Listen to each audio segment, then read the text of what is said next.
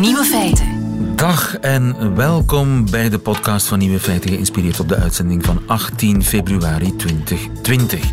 In het nieuws vandaag het acute tekort aan verkeersagenten op Malta. Dat komt omdat 37 van de 50 leden van de verkeerspolitie gearresteerd zijn wegens gesjoemel. Na een tip van een klokkenluider bleek dat bijna drie kwart van de Maltese wegpolitieagenten drie jaar lang niet gepresteerde overuren had aangegeven en een aantal agenten had ook onkostenvergoedingen ingediend voor ritten die nooit hadden plaatsgevonden. Het gaat voornamelijk om motoragenten, maar ook het hoofd van de wegpolitie zou bij de zaak betrokken zijn. Direct gevolg nauwelijks nog verkeerspolitie te zien in de hoofdstad Valletta. Manschappen uit andere afdelingen moeten tijdelijk overgeplaatst worden naar de verkeerseenheid. Intussen blijft premier Abela de dingen positief bekijken. Dit interne onderzoek bevestigt dat onze politiemacht goed functioneert. Zo kun je het ook bekijken. De nieuwe feiten vandaag. De familie van Tine Nijs gaat in cassatie en dus komt er misschien een tweede euthanasieproces. Het resultaat daarvan zou kunnen zijn dat de drie artsen tegelijk schuldig en onschuldig zijn. Wie begrijpt dat? Ooit de lieveling van de president van Rwanda is gisteren gevonden in zijn gevangeniscel. Dood, zelfmoord of moord. Ook u kunt meezoeken naar buitenaards leven, tenminste, uw computer kan dat. En bevers kragen dan wel aan bomen, ze zijn wel degelijk een zegen voor de natuur. De nieuwe feiten van Christophe van der Goor, die hoort u in zijn middagjournaal. Veel plezier. Lieven van den Houten. De familie van Tine Nijs die legt zich niet neer bij de uitspraak van de Volksjury, twee weken geleden, ruim twee weken geleden, en stapt naar cassatie. Goedemiddag, Walter van Steenbrugge. Goedemiddag. Advocaat van de dokter die de euthanasie heeft uitgevoerd. En ook goedemiddag Arne de Jagere. Goedemiddag. Arne die voor Radio 1 het proces gevolgd heeft. Ja, klopt. Het assiseproces dat eh, in Gent plaatsvond.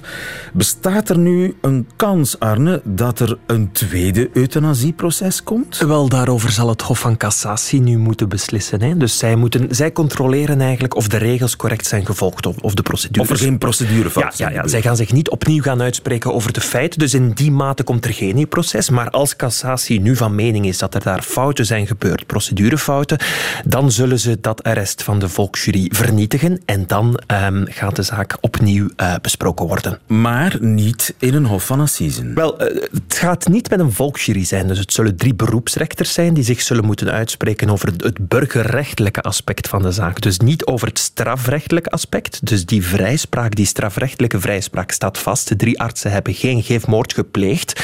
Dat is nu zo en dat zal ook niet meer veranderen.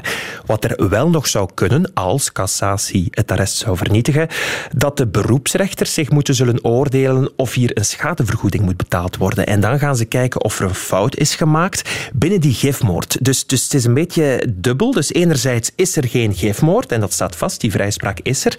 Maar anderzijds zullen de rechters, als het zover zou komen voor de duidelijkheid, moeten oordelen van ja, is er hier toch in zekere zin een fout gebeurd? En zullen de artsen... Fout, maar geen gifmoord. En dat is het moeilijke. Strafrechtelijk gezien is het geen gifmoord. En de artsen hebben die vrijspraak en dat is zo en dat zal zo blijven. En dat is het moeilijke om te begrijpen, kan ik me voorstellen, dat er, dat er wel kan vanuit gegaan worden dat er fouten gemaakt zijn binnen die gifmoord en dat er daardoor toch um, schade is geleden door de familie ja. en dat daar dus een schadevergoeding moet betaald worden. Ik begrijp nog niet helemaal. Walter van Steenbrugge, advocaat dus van de uitvoerende arts, de man die de, uh, de uh, euthanasie heeft uh, uitgevoerd. uw collega Vermassen, die Lieve Tienpont heeft verdedigd, de psychiater, die is er heel gerust in, want het gaat niet om gifmoord, zegt hij. Nee, daar kan niet meer over gediscussieerd worden, want dat staat dus strafrechtelijk vast en daar is niets meer aan te doen. Maar ik hoor Arne Jager nu zeggen dat drie beroepsrechters toch gaan kijken of het ach, eventueel toch niet een beetje gifmoord zou kunnen zijn, om daar eventueel dan een schadevergoeding aan te koppelen. Heb ik het zo goed begrepen? Ja, u heeft het goed begrepen. En de uitleg die meneer De Jager geeft is een zeer heldere en ook een zeer juiste uitleg. Want het is dus zo dat als er een verbreking komt door het Hof van Cassatie, dan moeten de beroepsrechters hoe dan ook oordelen binnen de contouren van de context van de gifmoord of er een fout zou zijn gebeurd door één of meerdere artsen. Als die beroepsrechters dat vaststellen, dan moeten zij nagaan of dat er een causaal verband bestaat tussen die fout of fouten en de schade van de familie. En wordt die causaliteit bewezen verklaard, dan is er een grondslag tot uh, schadevergoeding. Maar dat is natuurlijk een heel paradoxale, bijna een soort van artificiële situatie die ons Belgisch recht toelaat om aan de ene kant te zeggen strafrechtelijk zijn alle poortjes gesloten. Dat is definitief, die vrijspraak is verworven, is onherroepelijk. En aan de andere kant toch nog de mogelijkheid openlatend voor een burgerrechtelijke fout die aanleiding kan geven tot een schadevergoeding. Die burgerrechtelijke fout die kan bijvoorbeeld zijn gifmoord. Die, ja, inderdaad. Dus, dus er kunnen twee juridische waarheden zijn. Dat is, dat is een juiste analyse die u nu maakt. Dat is het paradoxale. Dus ik kan een gifmoord gepleegd hebben en er geen gepleegd hebben, tegelijkertijd? Ja, strafrechtelijk kan er geen verder gevolg meer komen, want die vrijspraak is definitief. Maar een nieuw Hof van Assisen, maar dan uitsluitend bestaande uit beroepsrechters, kunnen een andere mening zijn toegedaan. Maar dat allemaal in de, ik zou bijna zeggen, hypothetische uh, situatie dat er een verbreking zou komen ja, door maar het Hof van voor, voor alle, alle duidelijkheid, dus voor de samenleving ben ik dan onschuldig, maar voor de tussen aanhalingstekens slachtoffers ben ik schuldig. Dat, is, is, ook, dat is eh, eigenlijk een, de situatie. Ja, ja, dat is zeer juist uh, geconcludeerd. Ja. Maar zover zijn we nog lang niet, want eerst moet cassatie dat arrest van twee Mhm. weken geleden verbreken. Op basis van procedurefouten. Ja, dat is natuurlijk een andere kwestie. Waarom? Omwille van het feit dat de assisenrechtspleging is uh, een mondelinge, een volledige mondelinge procedure. Dat betekent dat partijen niet overgaan tot het uitwisselen van hun argumenten op papier.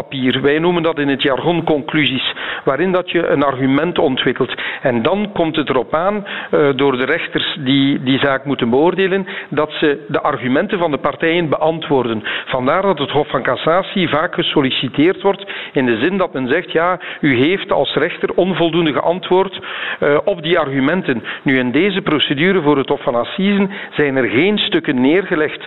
Dus dan wordt het wel heel moeilijk om een motiveringsgebrek te gaan inroepen ten aanzien van de motivering die door het Hof, het college eigenlijk van beroepsrechters en van juryleden is tot stand gekomen. Men kan alleen nu nog een verbreking bekomen als er echt een zwaarwichtige procedurefout is gebeurd. Ik zeg nu zomaar iets dat een getuige die op de getuigenlijst stond uh, niet is opgeroepen, uh, waardoor dat de burgerlijke partijen desgevallend hun gelijk niet hebben kunnen aantonen. Dat zijn zaken die nog zouden kunnen opgeworpen worden, maar het feit dat de burgerlijke partij niet thuisgeeft vandaag om te zeggen welke grieven men meent te kunnen inroepen ten aanzien van dat arrest, dat voorspelt niet veel ernstige ja. argumentatie voor het Hof van Cassatie. Ja, dus er zijn volgens u weinig uh, argumenten te vinden. Uh, wat vind jij daarvan, Arne? Wel, het is uh, vooral uh, Joris van Kouter, de advocaat van de familie, die die argumenten nu binnen de twee maanden, als ik het goed heb, uh, op tafel zal moeten leggen. En het is cassatie die daarover zal moeten oordelen natuurlijk. Ja, maar die argumenten hebben we dus nog niet gehoord. Nee, Hij nee, nee, nee. wil daar voorlopig geen verklaringen Klopt. ook over afleggen. Opvallend ook, vanmorgen de, de advocaat van Lieve Tienpont, uh, chef Vermassen, die is er heel gerust in, zegt hij. Want zijn cliënte, de psychiater, heeft een, een goed rapport gekregen eigenlijk van de jury. Mijn cliënte, dokter Tienpont, die heeft een zeer mooie en een zeer waardevolle motivering gekregen in het uitgesproken arrest. Want daarin staat uitdrukkelijk, en dat is ook onherroepelijk, dat zij haar job perfect heeft gedaan en dat daar dus niets, maar dan ook niets kan verweten worden. Uh -huh. Dat betekent natuurlijk dat je aan iemand waarvan onherroepelijk vaststaat dat je die niets meer kan het verwijten of ten laste leggen, dat je daar ook moeilijk nog een schadevergoeding kan van bekomen. Ja, uh, advocaat uh, Jeff Vermassen is er bijzonder gerust in. Nu, Walter van Steenbrugge, uh, uw cliënt, de uitvoerende arts, die heeft eigenlijk een minder positief rapport gekregen hè, van diezelfde jury. Daar is sprake van twijfel. Ja, maar goed, uh, wat meester Vermassen zegt klopt uiteraard op het strafrechtelijke vlak. Maar burgerrechtelijk blijft natuurlijk in het geval dat er een verbreking komt de mogelijkheid om fouten vast te stellen ten aanzien van ja, de uitvoerende Dan staat de teller eigenlijk terug naar nul. Dan zijn we terug naar af. Dan kan eigenlijk ja, het hele, de hele, wordt de, de, hele euthanasie-kwestie nog eens herbekeken. Dat staat los bijvoorbeeld, van de nieuwe beroepsrechters zouden kunnen zeggen dat er helemaal geen twijfel is ook in hoofden van de uitvoerende arts, maar dat hij ook geen enkele eh, fout heeft begaan. Waarom heeft men dat ten aanzien van mijn uh, cliënt op die manier gezegd? Dat is omwille van het feit, ja, de wetgeving, de euthanasiewetgeving viseert eigenlijk alleen maar de uitvoerende arts. En wij hebben als argumentatie ingeroepen dat in 2020 nog aantonen wat je allemaal eh, van zorgvuldigheden hebt gedaan in 2010 dat dat niet meer mogelijk is. Dus het uh, Assisenhof heeft gezegd dat er twijfel is om na te gaan wat er precies gebeurd is. En dat is uh, voor ons ook wel geruststellend. Dat hebben wij in die zin ook gepleit. Maar het, ik denk ook dat meester Vermassen het bij het rechte eind heeft wanneer dat hij zegt dat die kansen op een verbreking dat die, uh, bijzonder gering zijn. Daar, op dat vlak ben ik ook nogal gerust. Maar het is natuurlijk wel zo dat langs de andere kant voor vele artsen die de euthanasie momenteel momenteel toepassen, dat er blijvende angst en onrust en onzekerheid heerst. Vandaar dat ik deze demarche van de burgerlijke partij niet versta. De beide zussen hebben op het proces gezegd, wij wilden eigenlijk geen proces. Dan dacht ik toen dat het proces bezig was, waarom trekken zij niet aan de mouw van hun advocaten en zeggen ze, zet u neer en stop met het proces. Maar nu zitten we nog in een veel verdere fase. Het parket-generaal, het Openbaar Ministerie haakt af, gaat geen cassatieberoep aantekenen en toch gaat de familie verder in een overigens kostelijke procedure. Dus wat hier nu speelt, ja, daar, daar stel ik mij toch een aantal vragen bij. En dan zeg ik, ja, een proces dient toch niet om misbruikt te worden. En dat vind ik uh, uh, dat dat nu uh, gebeurt met, met, die, met dat cassatieberoep. Onrust, angst en onzekerheid. En daarboven ook nog eens een, het misbruik van het procesrecht. Ja, Walter van Steenbrugge, dankjewel. Helder. Uh, Arne, de bal ligt nu in het kamp van uh, het Hof van Cassatie. Wanneer verwachten we daar iets? Dus de partijen hebben nu uh, elk twee maanden de tijd om antwoorden en argumenten in te dienen bij cassatie. En dan is het aan cassatie. Dus dat zou kunnen voor de zomer, misschien zelfs na de zomer. Ja, dus die periode van onrust en angst die kan nog Blijft wel een nog even poosje doorgaan. Ja. Dankjewel, Arne. Goed. Radio 1. Nieuwe feiten. Ooit was hij de lieveling van de president van Rwanda. Maar dat kan keren, want gisteren is hij dood teruggevonden in zijn gevangeniscel. De Rwandese muzikant Kizito Mihugo.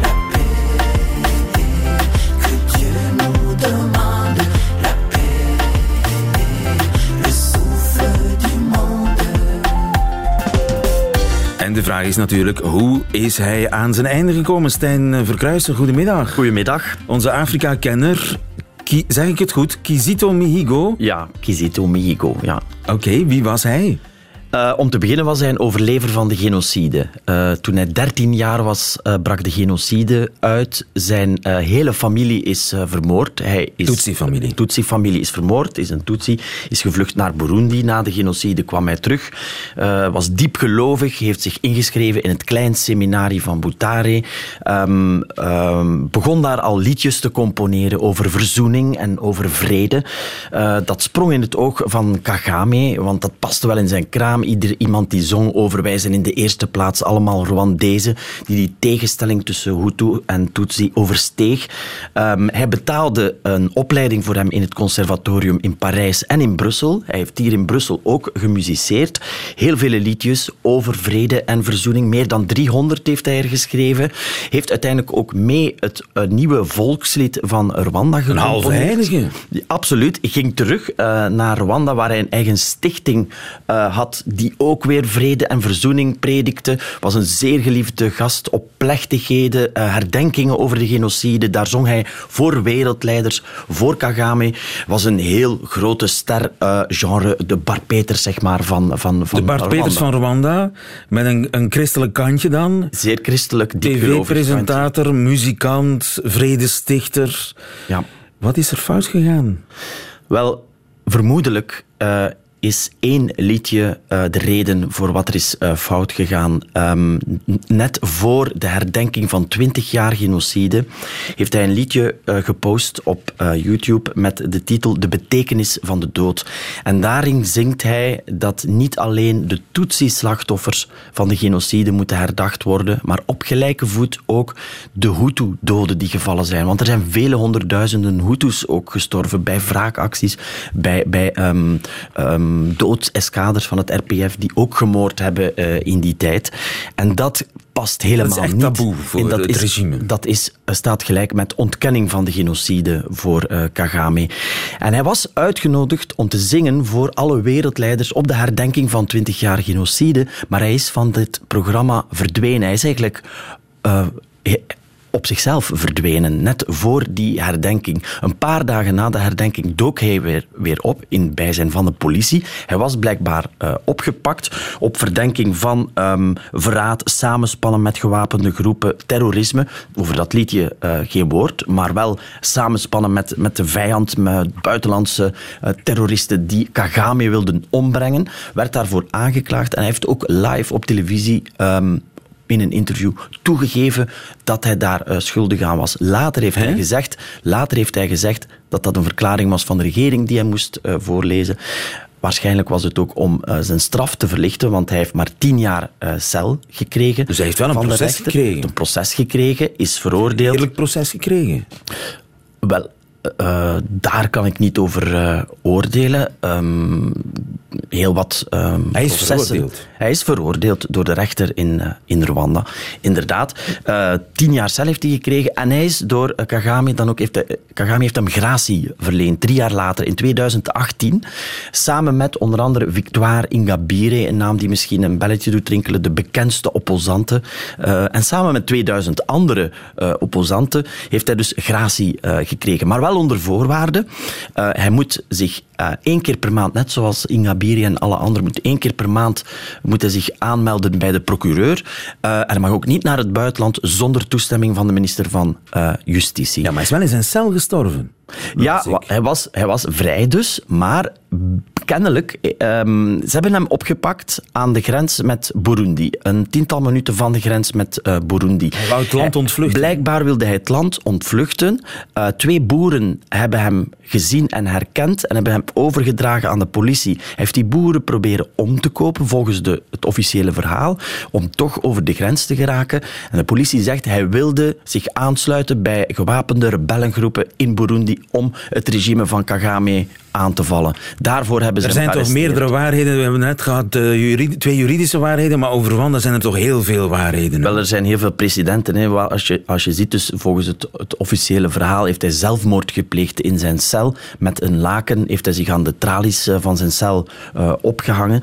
Uh, er kwam al heel snel een reactie van Human Rights Watch en van Amnesty International, die toch heel straf klinkt. Namelijk, gezien de geschiedenis van de vele verdachte overlijdens van opposanten in Rwanda moet hier een onderzoek gedaan worden, moet hier onderzocht worden of dit wel zelfmoord was en of hij niet vermoord is uh, door de politie. De verzamelde Vermoordt Rwandese politie mensen in de gevangenis? Wel, er zijn heel veel uh, uh, verhalen, er zijn heel veel verdachte overlijdens. Het is moeilijk om van hieruit aan te tonen dat die vermoord zijn door de politie, maar er is een lange lijst van opposanten die in verdachte omstandigheden aan hun einde zijn gekomen. Nooit opgehelderde omstandigheden. Uh, die zijn uitvoerig beschreven in de rapporten van uh, mensenrechtenorganisaties zoals Human Rights Watch en Amnesty uh, International.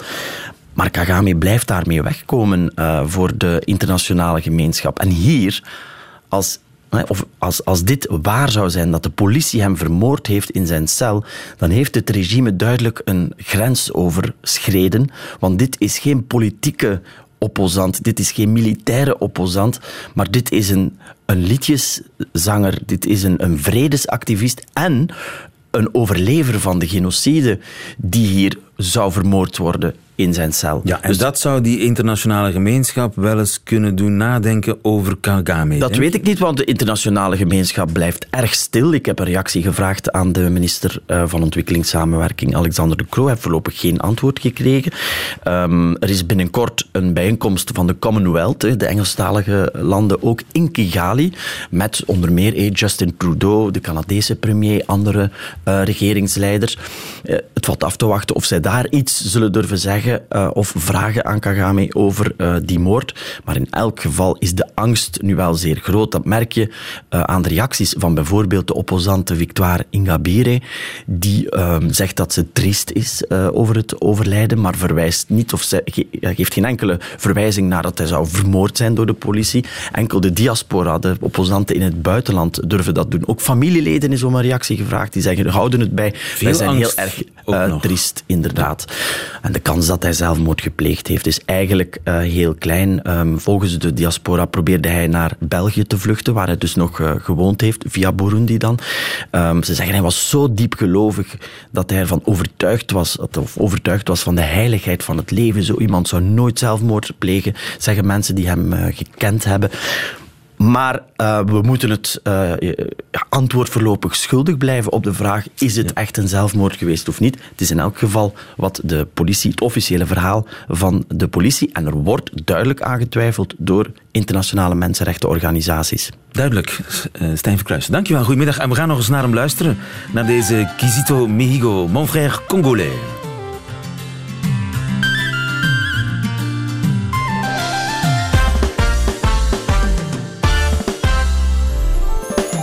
Frère congolais, mon cher ami voisin, il n'y a pas de haine possible entre nous. Pensons profondément à ce qui nous unit avant d'être emportés par ce qui nous divise. Au-delà de nos différences, nous sommes des frères de sang. Au-delà de nos différences, nous sommes des êtres humains.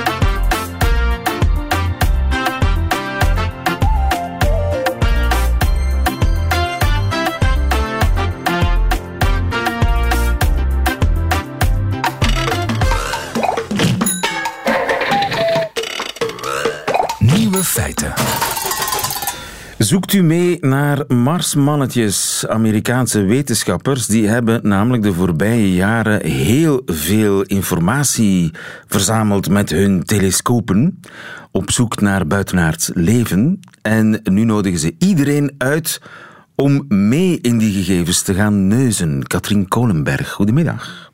Goedemiddag. U bent sterrenkundige. Uh, kunnen die wetenschappers dat niet zelf? Um, nee, ze kunnen dat niet zelf. Wij, wij zijn eigenlijk niet met voldoende mensen, niet voldoende man- of vrouwpower, niet voldoende rekenpower om al die data die we nu binnenkrijgen te gaan analyseren. Dus daarom willen we graag een beroep doen op het grotere publiek. Uh, we, want jij bent daar zelf ook bij betrokken. Ik ben sterrenkundige. Ik ben zelf ook natuurlijk heel benieuwd naar het bestaan van buitenaards leven, zoals, zoals heel veel mensen. Uh, ik hou mijzelf niet bezig met de zoektocht naar buitenaards leven, maar ik volg het wel op de voet en ik laat mijn computer ook meerekenen. Ja, ah, want het is niet uh, jij die moet uh, gaan zoeken, het is je computer. Nee, nee, je kan dat echt gewoon in de achtergrond doen. Als het ware via een screensaver kan je je computer laten meezoeken in die data naar signalen van buitenaardse intelligentie. Maar dat gaat om rekenkracht, die hebben ze nodig. Absoluut, ja. ja. Want ze hebben gigantisch veel uh, data verzameld. Met, uh, ja, is dat een soort reuzenverrekijker die ze gebruiken? Ja, ze gebruiken eigenlijk schotelantennes.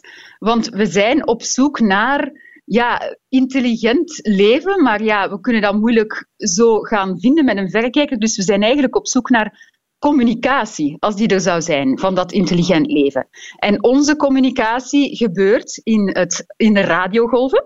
Dus dat is een, een onzichtbaar deel van een onzichtbaar licht eigenlijk, elektromagnetische golven. En die kan je gaan opvangen met schotelantennes. En, dus zij doen dat ook. Ja, en die schotelantennes gaan eigenlijk op zoek naar radio. Daar, gaat, daar komt het eigenlijk op neer. Inderdaad, radiosignalen van ver weg, die duidelijk niet van natuurlijke oorsprong zijn. Dus geen ontploffende ster of geen planeet die opgeslokt wordt door een ster of zo, maar iets dat volgens ons dan, als mensen alleen kan veroorzaakt zijn door een, ja, door een intelligent leven. Intelligente entiteiten, waarvan we niet weten hoe dat die er gaan uitzien. Natuurlijk. Ja. En als ik mijn computer ter beschikking wil stellen, dan moet ik dat gewoon laten weten. Verder hoef ik niks meer te doen. Uh, je kan dan gaan surfen naar uh, City at Home. Uh, is het project dat dit alles ook mee onder, onder de koepel neemt. Dat is, SETI met een S, hè? For... Search, ja, SETI is Search for Extraterrestrial Intelligence. Dus de zoektocht naar buitenaards leven. Uh, zij hebben een uh, screensaver ontwikkeld die je eigenlijk gewoon kan gaan downloaden en die dan mee uh, data gaat analyseren. Je krijgt dan op je computer een heel klein stukje van de hemel met radiodata. En daarin kan je gaan zoeken naar iets dat we, ja, dat we niet gewoon zijn. Ja, iets dat afwijkt van het normale signaal. Zijn er eigenlijk ooit al van die radiosignalen opgeschept, gevonden? We hebben al rare dingen gezien, maar ja, je moet natuurlijk altijd gaan, gaan checken, dubbelchecken. En uh, meestal is het zo dat het een interferentie is met onze eigen communicatie. Of dat het, ja, dat het signalen zijn die uiteindelijk toch van zeer exotische uh, kosmische fenomenen blijken te komen. Dus tot nu toe hebben we nog geen bewijs van buitenaards leven, maar deze zoektocht staat echt nog in kinderschoenen. Um, als het ware, ja, de analogie die wordt gemaakt is als je alle oceanen op aarde samenneemt en je schept daar één bad water uit. In dat stukje water hebben wij al gezocht naar buitenaards leven. En waarschijnlijk uh, is er wel ergens anders ook leven. Dus uh, ja, het is, het is het begin, maar het is wel een zeer veelbelovend begin. Eh, er is eigenlijk nog nooit enig echt 100% zeker wetenschappelijk bewijs gevonden van buitenaards leven. Dat klopt, dat klopt, maar we zijn wel op zoek. En uh, waarom is dat zo belangrijk dat we dat vinden? Dat zou eigenlijk, dat vind ik persoonlijk, dat zou ons hele mensenbestaan en, en, en eigenlijk uh, het reilen en zeilen van onze planeet in een, in een heel mooi perspectief zetten. Um, het besef dat wij niet alleen zijn in de kosmos, eh, alleen, alleen al de vraag zijn wij alleen, wordt al heel lang gesteld. Maar ik denk dat, we, dat dat voor de mensheid goed zou zijn om te beseffen van kijk, uh, we zijn niet alleen. Plus het is ook een vraag die heel veel mensen van alle verschillende ja, leeftijden, achtergronden triggert. Het is een vraag die, die, uh, ja, die mensen kan aanzetten tot nieuwsgierigheid. En, en alleen al daarom vind ik het de moeite om, om, om dat onderzoek te doen. En om daar de, ja, de grote ja, de grote mensenmassa, het hele publiek, de hele wereldbevolking bij te betrekken. Ja, want het, het, het is eigenlijk ondenkbaar hè, dat we helemaal alleen zouden zijn in het heelal. Als levensvorm ja, lijkt mij dat ook bijzonder onwaarschijnlijk. Dus ze moeten er zijn. Ik denk het wel. Ze zijn heel, heel ver weg. Want het is heel, heel... Uh, ja, het is allemaal heel ver weg. De volgende ster staat zo ver weg dat we er met, momenteel met onze snelste technologie 40.000 jaar naar onderweg zouden zijn. Um, en alles, al het andere staat nog veel verder weg. Dus um, er geraken zal niet simpel zijn, maar te weten dat ze er zijn is ook fijn. Plus, als ze er zijn en ze zijn intelligent, wat natuurlijk ook uh, ja, geen gegeven is, dan, uh, ja, dan, dan weten wij ook niet hoe ver zij staan met hun technologie, met hun begrip van de kosmos. Ja. Want wij bekijken alles door onze mensenbril. Hè. Ja, ja, en wie weet staan zij al veel verder. Dat is best mogelijk. Gebruiken ze al geen radiogolven meer? Dan staan we daar mooi. Ja, absoluut, absoluut. Of misschien bestaan ze al niet meer. Dat, kan, dat is ook vrij waarschijnlijk. Want ja, hoe lang bestaat een, een zogenaamd intelligente beschaving? Dat is ook iets dat we eh, ja, in beschouwing moeten nemen wanneer we dingen gaan, gaan zoeken en, en gaan vinden. We weten Ja. niet, al- als we een signaal opvangen, of dat die beschaving er nog wel is. Ja, het zou dus kunnen dat dat signaal van honderden jaren geleden is. Dat zal sowieso van lang geleden zijn. Ja, inderdaad. Want eh, ja, de objecten die we bekijken, ja, de, dichtst, de, de dichtstbijzijnde sterren staan op een aantal lichtjaren afstand. Dus de signalen die vandaag komen zijn van een paar jaar geleden. Ehm, het meeste dat we zien staat veel verder. Dus Ja. dat zal sowieso gaan om eeuwenoude of millennia oude data. Jeetje, heb je dan een marsmannetje gevonden? Is die van duizend jaar geleden? En al lang dood, maar misschien, maar misschien zijn, die, eh, zijn er marsmannetjes die duizend jaar worden. We weten het niet. Dat zou ook kunnen, ja. Het zou straf zijn moesten ze ook van een planeet genaamd Mars komen, maar, maar ja, dan mogen wij er dan wel Mars op tussen dus, aanhalingstekens ja. natuurlijk. Hè. Het kan ook een planeet Ja, zijn in een of ander eh, veel verder weg eh, gelegen sterrenstelsel. Katrien Kolenberg, Ja, inderdaad. ik ga meezoeken. Ik stel mijn computer ter beschikking. Goedemiddag. Hartelijk dank. Nieuwe feiten. Radio 1. Eerherstel voor de bever, want meestal wordt die als een soort van snowdaard afgeschilderd die aan bomen knaagt en ongewenste dammen opwerpt in eh, beken en riviertjes. Maar blijkt dat de bever toch goed is voor de natuur. Daan de Keukenleren, goedemiddag. Ja, goedemiddag. Daan de Keukenleren van Natuurpunt, blijkt allemaal uit een studie van de Universiteit van Exeter. Ik dacht dat bevers vooral aan bomen knaagden. Ja, dat doen ze ook. Eh, ze knagen heel veel aan bomen eh, en eten heel veel hout. En daarmee maken ze dus ook die, die dammen. En het is eigenlijk net door ehm, dat knaagwerk en die dammen die ze maken, dat ze eigenlijk ja, echte ingenieurs zijn die ehm, de waterlopen helemaal ja, herstellen. Ehm, ze zorgen eigenlijk ervoor dat er eh, veel minder overstromingen zijn door die, die- door die dammen die ze maken. Maar je zou toch denken dat zo'n dam precies een overstroming kan veroorzaken? Ja, dat is natuurlijk ook zo. Dus ehm, door een dam te maken ontstaat er een, een plas, een vijvertje achter, achter die dam en overstroomt er een, eh, een stukje van de rivier. Maar stroomafwaarts is de rivierloop dan gebufferd tegen, eh, als er een grote regenbui is, gaat het water veel trager doorheen die rivier. En ehm, is, eh, zijn meestal de dorpen of de, de stukken die stroomafwaarts liggen beschermd tegen overstromingen. En omgekeerd ook, als het heel lang droog is, dan geeft die, bever, eh, die bevervijver langzaam water af, eh, waardoor dat die rivier ehm, daar peil stabieler blijft. En bomen omknagen, waar is dat goed voor? Ehm, door die bomen omknagen zorgen ze eigenlijk voor een heel divers landschap. Dus er komt ruimte voor eh, oeverplanten, voor eh, plaatsen waar dat er een beetje warmte kan zijn, waar dat dan libellen en vlinders kunnen leven. Ehm, en ze krijg, je krijgt eigenlijk een, een heel diverse oevervegetatie. Eh, ze zorgen ook voor hout dat onder water komt te liggen, eh, waar dat er dan aller- eh, allerlei waterinsecten en vissen kunnen leven. Amfibieënaantallen nemen heel hard toe als je een bever krijgt.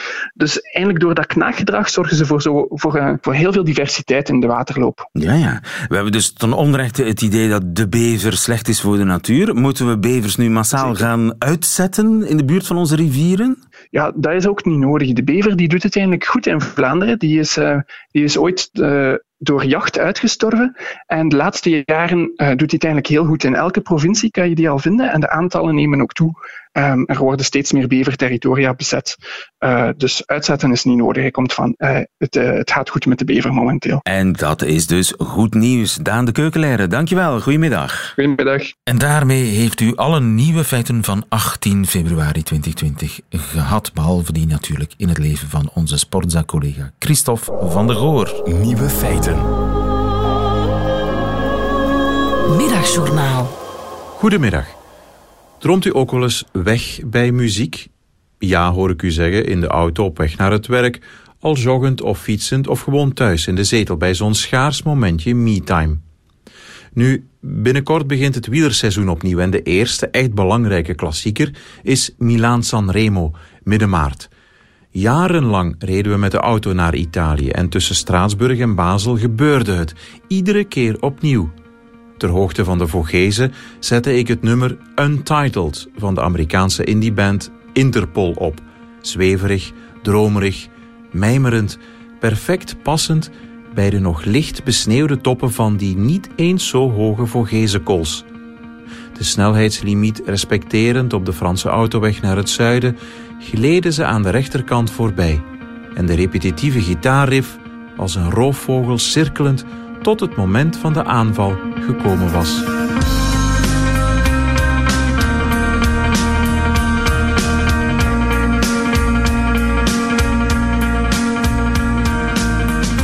Nu, ik wil het hier niet al te zwaar maken in dit middagjournaal, maar zo'n momentopname, dat ene ogenblik vol harmonie tussen decor en muziek, is toch vaak zo'n kortstondig besef van geluk.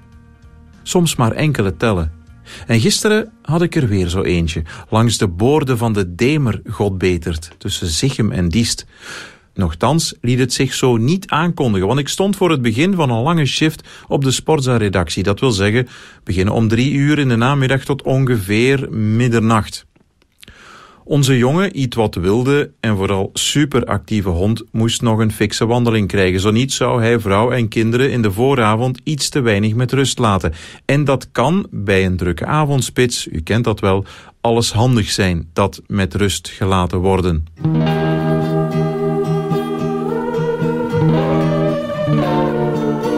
Op mijn gsm speelde Cold Little Heart van Michael Kiwanuka. Een nummer dat ik tot voor kort totaal niet kende, maar het is de thema en openingssong van Big Little Lies, een Amerikaanse serie over vijf vrouwen uit het Californische Monterey, die mijn vrouw en ik de laatste weken tot ons hebben laten komen.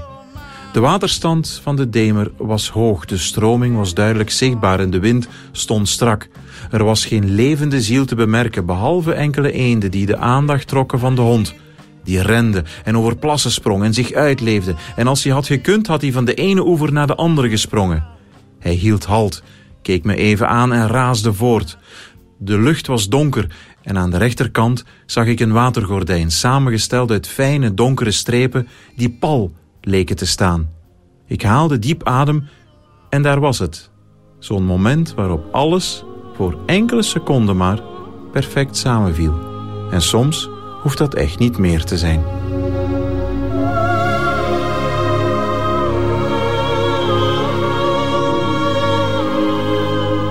Dat ene moment waarop de wereld samenvalt met de wereld. Prachtig.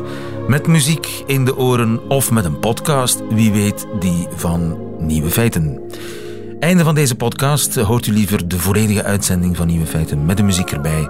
Dan kunt u terecht op onze app of op onze site en daar vindt u nog veel meer podcasts. Tot een volgende keer.